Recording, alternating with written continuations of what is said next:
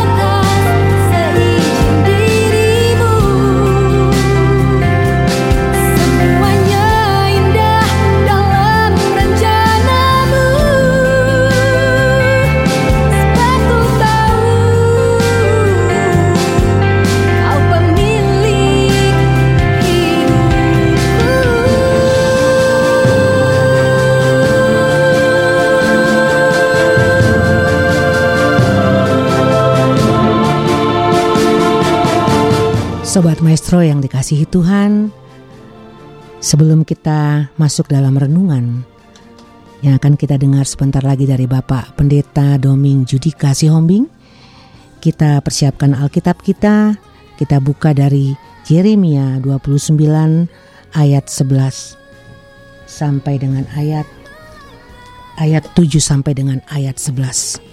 Yeremia 29 ayat 7 sampai dengan ayat 11. Saya minta Bapak Penutua Weli Saragi Sidabutar yang akan membantu saya membacakan ayat renungan kita malam ini. Terima kasih Nang Penutua. Yeremia 29 ayat 7 sampai 11. Usahakanlah kesejahteraan kota ke mana kamu aku buang, dan berdoalah untuk kota itu kepada Tuhan, sebab kesejahteraannya adalah kesejahteraanmu. Sungguh beginilah firman Tuhan semesta alam, Allah Israel. Janganlah kamu diperdaya oleh nabi-nabi, nabi-nabimu yang ada di tengah-tengahmu, dan oleh juru-juru tenungmu. Dan janganlah kamu dengarkan mimpi-mimpi yang mereka mimpikan, sebab mereka bernubuat palsu kepadamu demi namaku. Aku tidak mengutus mereka, demikianlah firman Tuhan. Sebab beginilah firman Tuhan, apabila telah genap 70 tahun bagi Babel, barulah aku memperhatikan kamu. Aku akan menepati janjiku itu kepadamu dengan mengembalikan kamu ke tempat ini. Sebab aku ini mengetahui rancangan-rancangan apa yang ada padaku mengenai kamu. Demikianlah firman Tuhan, yaitu rancangan damai sejahtera dan bukan rancangan kecelakaan, untuk memberikan kepadamu hari depan yang penuh harapan. Demikian firman Tuhan. Ya, saudara-saudara yang terkasih di dalam Yesus Kristus itu Sobat Maestro. Uh, renungan kita pada saat ini sudah dibacakan oleh Amang Sintua uh, W. Saragi itu dengan topik rancangan Allah adalah rancangan terbaik. Ya, dari firman Tuhan yang telah dibacakan tentu kita sudah menangkap intinya yaitu di mana ayat 11 mengatakan Aku ini mengetahui rancangan-rancangan apa yang ada padaku mengenai kamu Demikianlah firman Tuhan yaitu rancangan damai sejahtera dan bukan rancangan kecelakaan untuk memberikan kepadamu hari depan yang penuh harapan.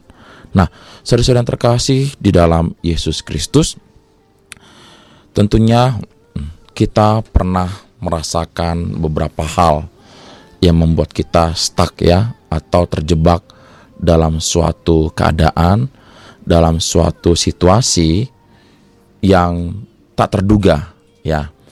Kita pernah takut, kita pernah khawatir, kita juga pernah ragu-ragu dan kita juga mungkin pernah memiliki segudang pertanyaan di dalam hidup kita bagaimana ini, bagaimana seperti itu, bagaimana besok, dan bagaimana masa depanku. Jadi artinya bisa saja pertanyaan-pertanyaan tersebut ya bisa menghasilkan rasa ketakutan yang begitu besar, rasa kekhawatiran yang begitu besar, khawatir atas rencana-rencana kita berhasil atau tidak, khawatir perjalanan hidup kita mulus atau tidak, khawatir bagaimana kehidupan kita, apakah orang-orang yang ada di sekitar kita tetap bersama dengan kita atau tidak, ya itulah yang sering terjadi uh, di dalam kehidupan, di dalam hati dan juga di dalam pikiran kita masing-masing. Nah, tapi dalam firman Tuhan kita pada mengatakan di dalam ayat 7, usahakanlah oh, kesejahteraan kota ke mana pun kamu aku buang dan berdoalah untuk kota itu kepada Tuhan Sejak sebab kesejahteraannya adalah kesejahteraanmu. Sungguh beginilah firman Tuhan semesta alam Allah Israel. Janganlah kamu diperdayakan oleh nabi-nabimu yang ada tengah-tengahmu dan oleh juru-juru tenungmu dan janganlah kamu dengarkan mimpi-mimpi yang mereka mimpikan. Nah, ini juga yang dirasakan oleh jemaat Tuhan, ya, bangsa Tuhan ketika mereka di tanah Babel, ya, di pembuangan tentunya mereka mendapatkan situasi yang tidak baik, mendapatkan pengalaman, mendapatkan hal-hal yang mereka hadapi tentu yang membuat mereka bisa saja terjerumus jauh dari Tuhan, terjerumus dan menjadi lupa mana yang benar, mana yang baik, mana yang tidak baik di hadapan Tuhan. Jadi artinya uh, baik manusia dahulu kala hingga pada detik ini yaitu kita kita memiliki situasi kondisi yang sama yaitu kita sering dihantui dengan rasa takut. Oh, tapi dalam firman ini mengatakan kepada kita jangan khawatir akan masa depanmu ya. Jangan tua khawatir akan hari-hari kita. Kenapa? Sebagaimana topik dikatakan, sebab Allah punya rancangan terbaik atasmu. Itu tidak bisa kita pungkiri. Itu sudah pasti. Tuhan sudah menyediakan pelangi. Ya, pelangi di balik hujan yang deras, pelangi di di balik awan yang gelap. Artinya Tuhan sudah menyediakan segala sesuatu uh, yang kita butuhkan, segala sesuatu yang terbaik bagi kita. Makanya dalam firman mengatakan kepada kita, masa depanmu Tuhan sudah menyanggupi itu. Sekarang bagaimana kita sekarang? Bagaimana kita menyanggupi hari kita pada saat ini? Bagaimana reaksi dan respon kita pada saat ini? Oh, nah, saudara-saudara terkasih dalam Yesus Kristus, kalau kita melihat di dalam ayat 11, di sini bisa harus kita, bisa kita lihat dalam dua sisi. Yaitu yang pertama, itu konteks Allah, di mana Allah mengacu pada pertolongan. Ya. Artinya Tuhan siap sedia sudah siap sedia untuk mengulurkan tangannya menolong umatnya. Nah, yang kedua adalah konteks dari sudut konteks manusia, yaitu merujuk pada usaha. Artinya bahwa Allah sudah menyediakan tangannya untuk menolong manusia. Sekarang karena kita memahami bahwa Tuhan akan selalu bersama dengan kita, jadi bagaimana kita? Apakah kita meragukan pertolongan Tuhan? Kalau kita tidak meragukan pertolongan Tuhan, apa yang harus kita lakukan? Yaitu ada usaha. Bekerjalah, jalanilah, lakukanlah yang terbaik di hadapan Tuhan. Selebihnya Tuhan akan menyempurnakannya, ya. Selebihnya Tuhan akan menyanggupinya. Selebihnya pertolongan Tuhan itu tidak akan pernah terlambat. Yang penting bagaimana kita ada kemauan untuk melakukan menjalankan tugas kita pada saat ini yaitu menjadi pelaku firman Tuhan, menjadi berkat bagi sesama, menjadi orang-orang yang sudah Tuhan pilih, apa yang harus kita lakukan sebagai orang-orang yang sudah terpilih. Nah, kembali kata rasa takut, khawatir, ragu-ragu, penuh segudang pertanyaan dalam hidup, stuck in the moment atau terjebak dalam su dalam uh, suatu situasi yang terkadang membuat kita semakin melupakan Tuhan, terkadang membuat kita semakin jauh daripada Tuhan, terkadang membuat kita uh, lupa tugas dan, dan tanggung jawab kita sebagai umat Tuhan, Kristiani, umat Tuhan yang beriman kepada Dia, melakukan firman-Nya. Nah, saat ini Tuhan ingin mengajak kita kembali, ya. Tuhan ingin membukakan cakrawala uh, berpikir kita, Tuhan kembali membukakan hati kita bagaimana untuk melihat Dia satu-satunya fokus kita di dalam hidup kita masing-masing. Nah, kalau dalam firman Tuhan mengatakan pada saat ini banyak hal-hal yang tidak baik mungkin kita hadapi sama sepertinya di dalam ayat 9 sebab mereka berbuat palsu kepadamu demi namaku. Aku tidak mengutus mereka Demikianlah firman Tuhan. Artinya bahwa kita tidak bisa pungkiri ada hal-hal yang tidak baik yang akan uh, mengalihkan perhatian kita yang seharusnya kita berikan pada Tuhan. Tapi karena hal-hal yang ada sekitar kita, kita lupa daripada Tuhan. Tapi yakin, karena firman Tuhan mengatakan itu bukan Tuhan yang mengutus. Ya, itu bukan Tuhan yang menyuruhnya. Artinya Tuhan siap sedia berperang untuk kita, untuk berhadapan dengan hal-hal yang hendak menyerang kita, sehingga, ya, sehingga yang membuat kita uh, melupakan Tuhan. Tuhan sanggup ya menjadi tameng kita untuk berhadapan dengan mereka yang hendak berbuat jahat. dengan situasi yang membuat kita menjadi buruk. Tuhan siap menjadi tameng kita. Sebagaimana firman Tuhan mengatakan pada kita, ternyata Tuhan punya rencana ya.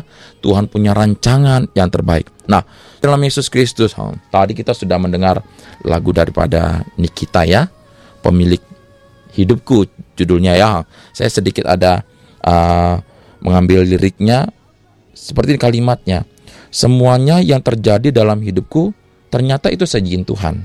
Ya, Tuhan artinya mengetahui segala seluk-beluk kehidupan kita, sendi-sendi kehidupan kita, ya. Dan itu semua ya seizin Tuhan. Artinya, kalau Tuhan mengizinkan terjadi berarti Tuhan juga sanggup membantu, menolong dan mendamping kita untuk berhadapan dengan segala sesuatu yang terjadi dalam hidup kita.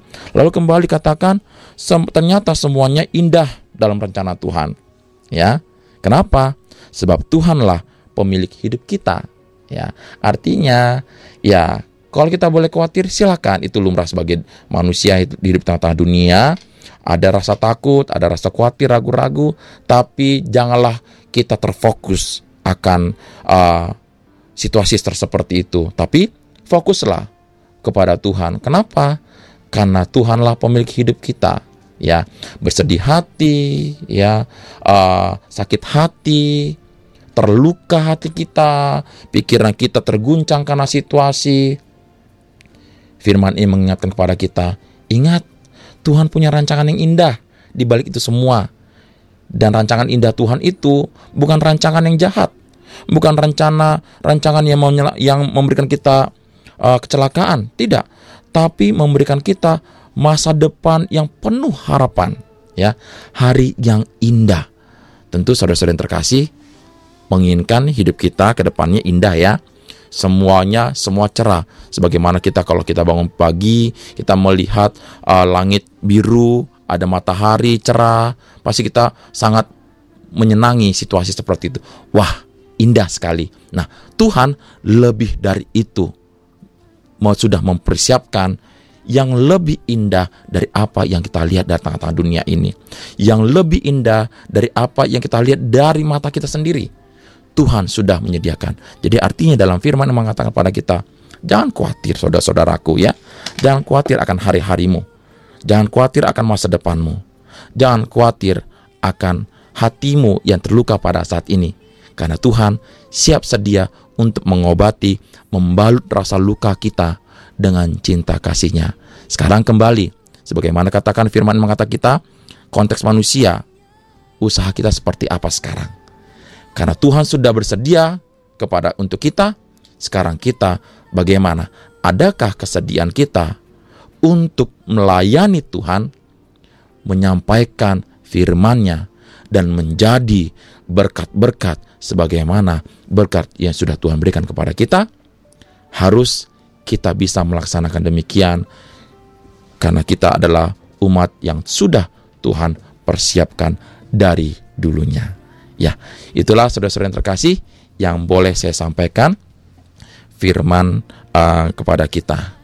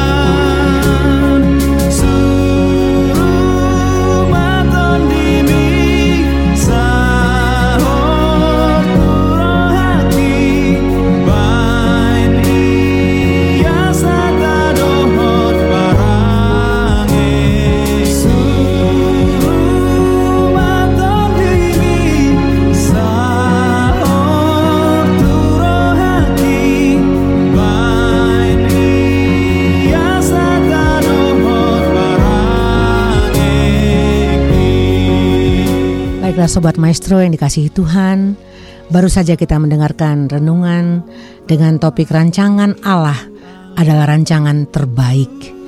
Menarik sekali tadi dari renungan itu yang bisa saya dapatkan kami yang kami dengar bahwa pada ayat 11 ada dari sisi bagaimana rancangan Tuhan itu rancangan yang terbaik. Bisa kita lihat dari sisi Allah sendiri bahwa dia siap sedia untuk mengeluarkan umatnya dari segala kesulitan yang kita hadapi. Sementara dari konteks manusia, kita tidak boleh meragukan, kita melakukan apa saja sesuai dengan firman Tuhan atau pelaku firman sehingga rancangan Tuhan itu betul-betul terjadi pada diri kita dan percayalah rancangan Tuhan itu adalah selalu rancangan yang terbaik. Demikian sobat maestro, kami membuka diskusi um, tanya jawab yang sudah masuk ke uh, melalui WA pada kami. Mungkin Bapak Penetua Saragi bisa membacakannya apakah ada yang masuk pertanyaan dari Sobat Maestro? Untuk sementara ini belum ada masuk Inang Penetua. Oke, saya membacakan ada satu pertanyaan yang masuk ke WA kami Um, mungkin nanti kalau ada pertanyaan lagi silahkan Bapak Penutua Saragi akan membacakannya. Yang menjadi pertanyaan Bapak Pendeta Sihombing, ada seorang jemaat yang baru saja ditinggal oleh orang tua terkasih tepatnya ayahnya. Dia bertanya, apakah yang dia alami ini adalah rancangan terbaik? Sementara dia sendiri belum siap menghadapi uh, kepergian orang tua yang dikasihinya sampai saat ini. Hmm. Ya, itu yang menjadi pergumulan hidupnya. Silakan Amang Pendeta untuk uh, memberikan jawaban agar jemaat kami ini boleh um, semangat lagi. Oke, terima kasih Ibu uh, Penatua Burus Tompul. Uh, uh, ya, kepada jemaat yang memberikan pertanyaan tersebut, tentunya siapa sih yang tidak uh, yang siap ya? Yang siap atas kehilangan dari orang yang kita kasihi. Tentu semua orang yang memiliki keluarga atau orang-orang dikasih ya dia belum siap untuk kehilangan ya. Banyak atau semua manusia belum siap dengan adanya kehilangan. Tapi uh, kalau kita berbicara tentang kematian dan kehidupan itu dari luar dari uh, jangkauan kita ya. Itu adalah karya Tuhan. Bahwa kita harus memahami terlebih dahulu ternyata kematian di dalam iman, kematian di dalam uh, Kristus adalah kematian yang sebenarnya menjadi jalan menuju ke rumah Bapa. Itu adalah jembatan bagi orang-orang yang beriman. Jadi kita harus pahami bahwa ketika kita meninggalkan dunia ini uh, di dalam iman, ya Gak perlu lagi kita harus uh, mengkhawatirkan bagaimana ke depan, bagaimana seperti ini ya. Jadi artinya kita sebagai keluarga yang ditinggalkan tentu kalau sedih tetap sedih. Tapi kita jangan malah semakin terpuruk ya karena tidak ada kata-kata terpurukan di dalam uh, orang-orang yang beriman kepada Tuhan ketika kita ditinggalkan oleh keluarga di dalam uh, uh, situasi berduka cita ya. Tidak ada kata keterpurukan. Kenapa? Karena Tuhan seperti firman Tuhan mengatakan tadi, Tuhan siap sedia ya menjaga kita ya. Tuhan siap sedia memperhatikan kita. Tuhan siap sedia memperlengkapi segala kebutuhan kita ke depan. Nah, situasi yang saudara atau kita hadapi pada saat itu Ya, bisa saja itu salah satu rancangan Tuhan dan di balik itu ada kebaikan. Kita harus yakin itu. Karena seperti firman Tuhan mengatakan tadi, ada pelangi di balik hujan yang deras ya. Ada pelangi di balik awan yang gelap. Artinya di balik uh, situasi yang tidak baik kalau kita pahami, kalau kita yakini Tuhan akan selalu ikut campur tangan dalam hidup kita, di balik semuanya itu pasti ada sukacita. Yang penting ke mana kita serahkan hati kita? Kepada kesedihan itukah atau kepada Tuhan? Kalau kita memberikan kepada kesedihan, tentu keterpurukan akan selalu uh, apa menyelimuti kita. Tapi kalau kita memberikan hati kita, uh, arahan uh, pandangan kita kepada Tuhan, semuanya itu akan Tuhan jauhkan dan Tuhan akan mendatangkan sukacita dan lebih dari yang kita harapkan. Tuhan pasti akan sediakan. Ingat tadi dikatakan di dalam ayat 11 ya.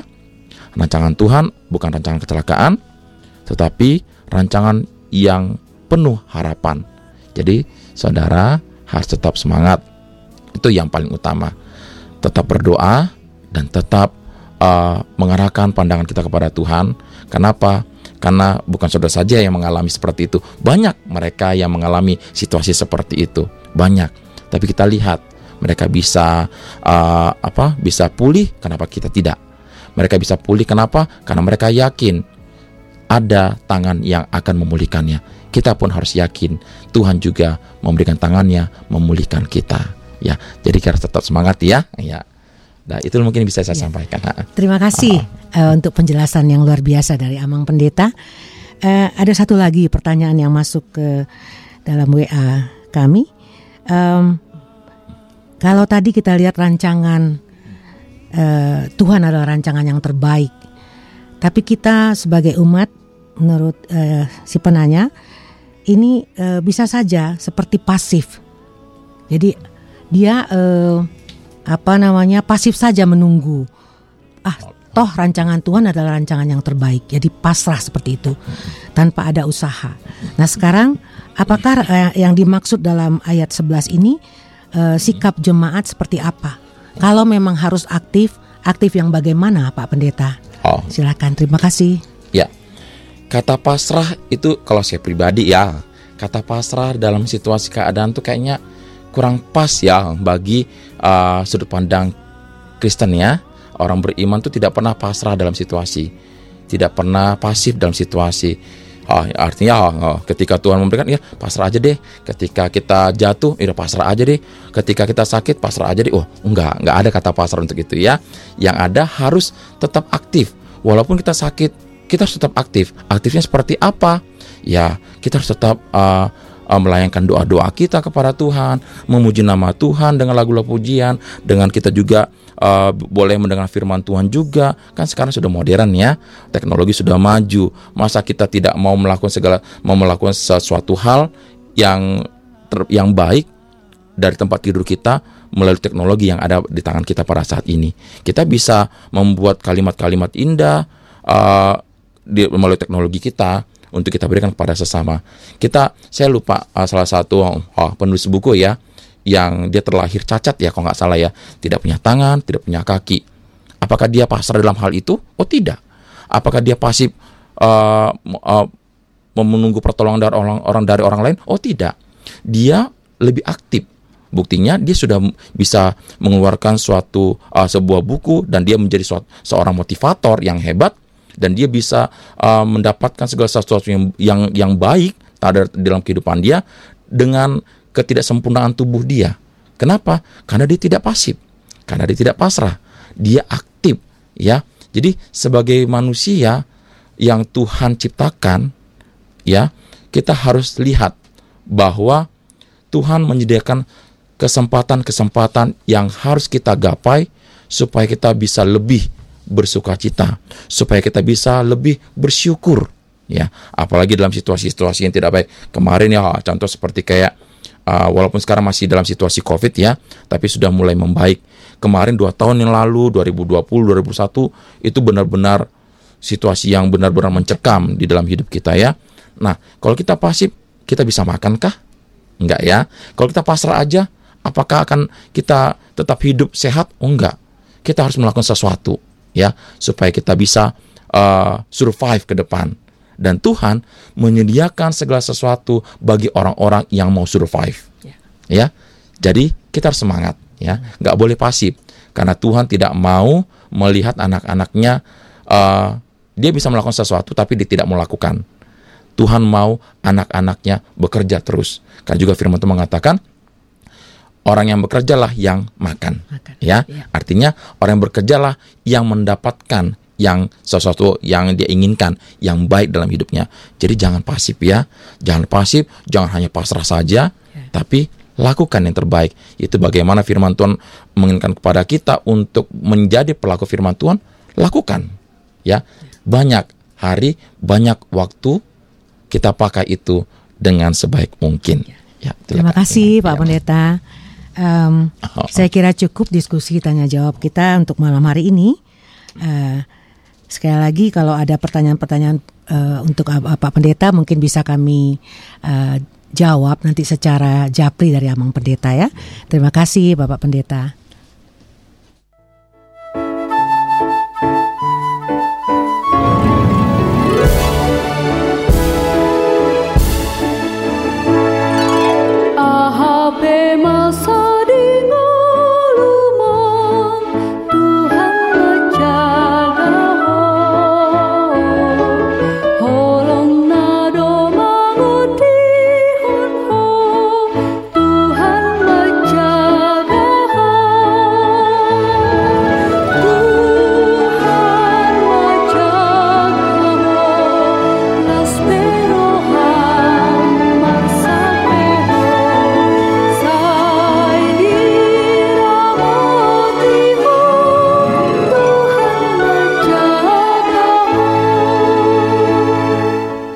Kita akan mesapa-sapa Sobat Maestro. Ada Bapak Daniel Tambunan Borusi lain di Simpang GOP Tambunan Balige Ada Inang Napi Tupulu Borusi Manjunta di Sukasenang. Ada keluarga Simatupang Bursi Pahutar di Jalan Sawah Kurung Ada keluarga M. Manik Bursi Labuan di Geger Kalong. Keluarga Nyonya RS Sihombing Boru Pasaribu Ibu. Cisu Cisiu Hua di Kebun Jati ada Bapak Albert di Taman Cibaduyut, Kak Rospita Sianturi di Patra Komala, keluarga Sintua Ers Panggabean, Kak Riana Buru Pardede, keluarga Profesor Hutaswit Buru Tampu Bolon, keluarga Besi Barani Buru Manulang, ada keluarga MF Silaban Buru Manurung, juga untuk seksi sekolah minggu, remaja, perempuan, Inahana, ama dan lansia. Ada juga untuk keluarga Sintua Saragi Borune Baho dan anak-anak. Nyonya Hasugian, Hasugian Boru Aritonang. Ada Nyonya Sitorus Boru Manurung. Ada keluarga DJ Situ Morang Buru Nababan. Keluarga Nyonya Tampu Bulun Buru Samosir. Nyonya Gultom Buru Situmpul juga ada seluruh Parhaladu HKBP Bandung Reformanda, paduan suara Glorious, Abigail, Ruth, dan yang terakhir adalah Sobat Maestro di mana pun berada. Kiranya Tuhan Yesus memberkati kita semua. Amin. Demikian Sobat Maestro, sapaan kami ke beberapa um, fans Maestro. Um, selanjutnya kita akan melanjutkan dengan doa syafaat dari Bapak Pendeta Sihombing. Ya, kita berdoa. Allah Bapa kami yang bertahta di dalam kerajaan surga, puji dan syukur Tuhan kami panjatkan ke dalam hadiratmu. Terima kasih berkat dan anugerah yang boleh kami rasakan pada malam hari ini, di mana kami boleh mendengarkan firman Tuhan melalui radio Maestro. Pada hasil Tuhan, biarlah Bapa kami semakin bersuka cita, kami semakin menjadi terang di dalam kasih-Mu Tuhan, melaksanakan firman-Mu di mana pun kami berada. Tuhan, kami juga berdoa bagi saudara-saudara kami yang pada saat sedang di dalam kelemahan tubuh. Tuhan yang selalu ikut campur tangan untuk memberikan kesembuhan bagi mereka pribadi lepas pribadi, yaitu Amang H. Situmorang, Nyonya P. Panjaitan Burunadeak, Nyonya RS Sihombing Boru Pasaribu Amang M Simbulun Nyonya S Simbulun Boru Pasaribu Nyonya Tampu Bulun Boru Samosir. Amang D Pakpahan Sintua Nyonya Pakpahan Boru Tampu Bulun. Amang A Manulang Sintua K KM Panggabean. Nyonya Rotua Margareta Marbun Boru Purba Tuhanlah yang selalu memberikan kesembuhan bagi mereka pribadi lepas pribadi dan juga saudara-saudara kami yang ada di luar kota Bandung yaitu Ibu D Tarigan dengan Bapak Y Sembiring. Tuhanlah yang selalu ikut campur tangan memberkati makanan dan obat-obatan pemulihan yang mereka terima pada saat ini Bapak. Bapak kami juga tidak lupa mendoakan saudara kami yang ada di Kandis Riau, yaitu Bapak Adiman Samosir, yang saat ini sedang uh, melaksanakan pengobatan kemoterapi karena penyakit kelemahan tubuh kanker di bagian leher Tuhan. Kami yakin dan percaya Tuhan akan memakai tangan-tangan yang memberikan pengobatan bagi Amang Adiman Samosir supaya beliau boleh semakin pulih, semakin sehat. Tidak ada yang tidak mungkin bagimu Tuhan. Biarlah Bapa yang ikut campur tangan untuk memberikan yang terbaik baginya. Dan juga Tuhan, kami juga berdoa bagi para dokter yang menolong jemaat reformanda yaitu Dr. Dodi Lumanggaul, Dr. Richard Tobing, Dr. Ricardo Pasaribu. Tuhan, Engkau harus selalu memperhatikan setiap langkah kehidupan mereka. Engkaulah yang memperhatikan setiap kebutuhan mereka, Tuhan, sehingga mereka tetap bersuka cita, sehingga mereka tetap semangat dan pelayanan dalam bagian medisnya, Tuhan. Tidak ada yang tidak mungkin bagimu Bapa. Tuhanlah yang selalu hadir dalam hidup mereka dan juga hadir di tengah-tengah keluarga dan rumah tangga mereka masing-masing. Tuhan kami juga berdoa bagi keluarga Indra Sinulingga Inang Yeti Boru Hutahayan yang di mana pada saat ini keluarga ini Tuhan keluarga yang engkau kasihi ini sedang melakukan program untuk mendapatkan keturunan Tuhan kami serahkan ke dalam tangan pengasihanmu. Karena kalau Bapa yang memiliki kehidupan. Tuhanlah yang memberikan kehidupan ke dalam janin daripada inang yeti buruh tahayan. Tidak ada yang tidak mungkin bagi Bapa. Biarlah Bapa mujizatmu terjadi tengah-tengah keluarga amang Indra Sinunglingga Inang Yeti Buruh Tahayan. Tuhan kami juga tidak lupa mendoakan Inang Nyonya Bur R. Silaban Burmanurung yang men yang menerima perawatan rumah sakit Santosa Tuhanlah yang selalu memperhatikan, menjaga, dan memberikan kebaikan kesembuhan baginya, sehingga beliau tetap bersuka cita dan pulih berkumpul bersama dengan keluarga. Tuhan, mari Bapak Engkau yang memperhatikan bagi setiap kami pribadi lepas pribadi. Engkau memperhatikan dari pihak Radio Maestro, biarlah apa yang sedang mereka laksanakan pada saat ini pelayanan Tuhanlah yang ikut campur tangan sehingga firman-Mu boleh tersebar luas dengan baik. Tuhan, kami akan kembali untuk melaksanakan kegiatan kami pada malam hari ini dan kami akan beristirahat. Tuhanlah yang selalu memberkati kami dalam istirahat kami sehingga kami siap sedia dan semangat untuk menyambut hari baru esok sehingga kami boleh melaksanakan kegiatan kami dengan baik. Terima kasih Bapa. Di dalam nama Yesus Kristus kami mengucap syukur kepadamu saja. Anugerah daripada Yesus Kristus dan kasih setia Allah Bapa surga dan persekutuan Roh Kudus menyertai kamu saat ini sampai selama-lamanya. Amin. Sobat Maestro, demikian renungan Simeon. Kita akan mengakhiri acara ini yang dipersembahkan seksi sending Dewan Marturia HKBP Bandung Reformanda sampai bertemu pada minggu depan dengan jam yang sama. Tuhan Yesus memberkati kita semua. Shalom.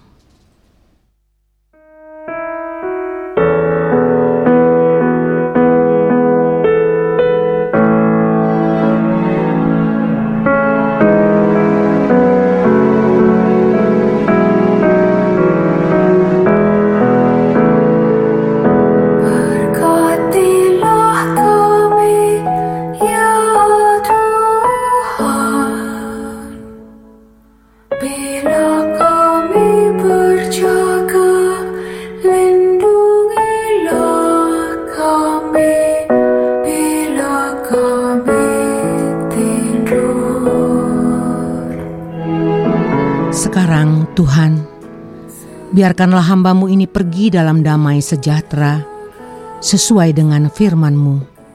Sebab mataku telah melihat keselamatan yang daripadamu, yang telah engkau sediakan di hadapan segala bangsa, yaitu terang yang menjadi pernyataan bagi bangsa-bangsa lain, dan menjadi kemuliaan bagi umatmu Israel.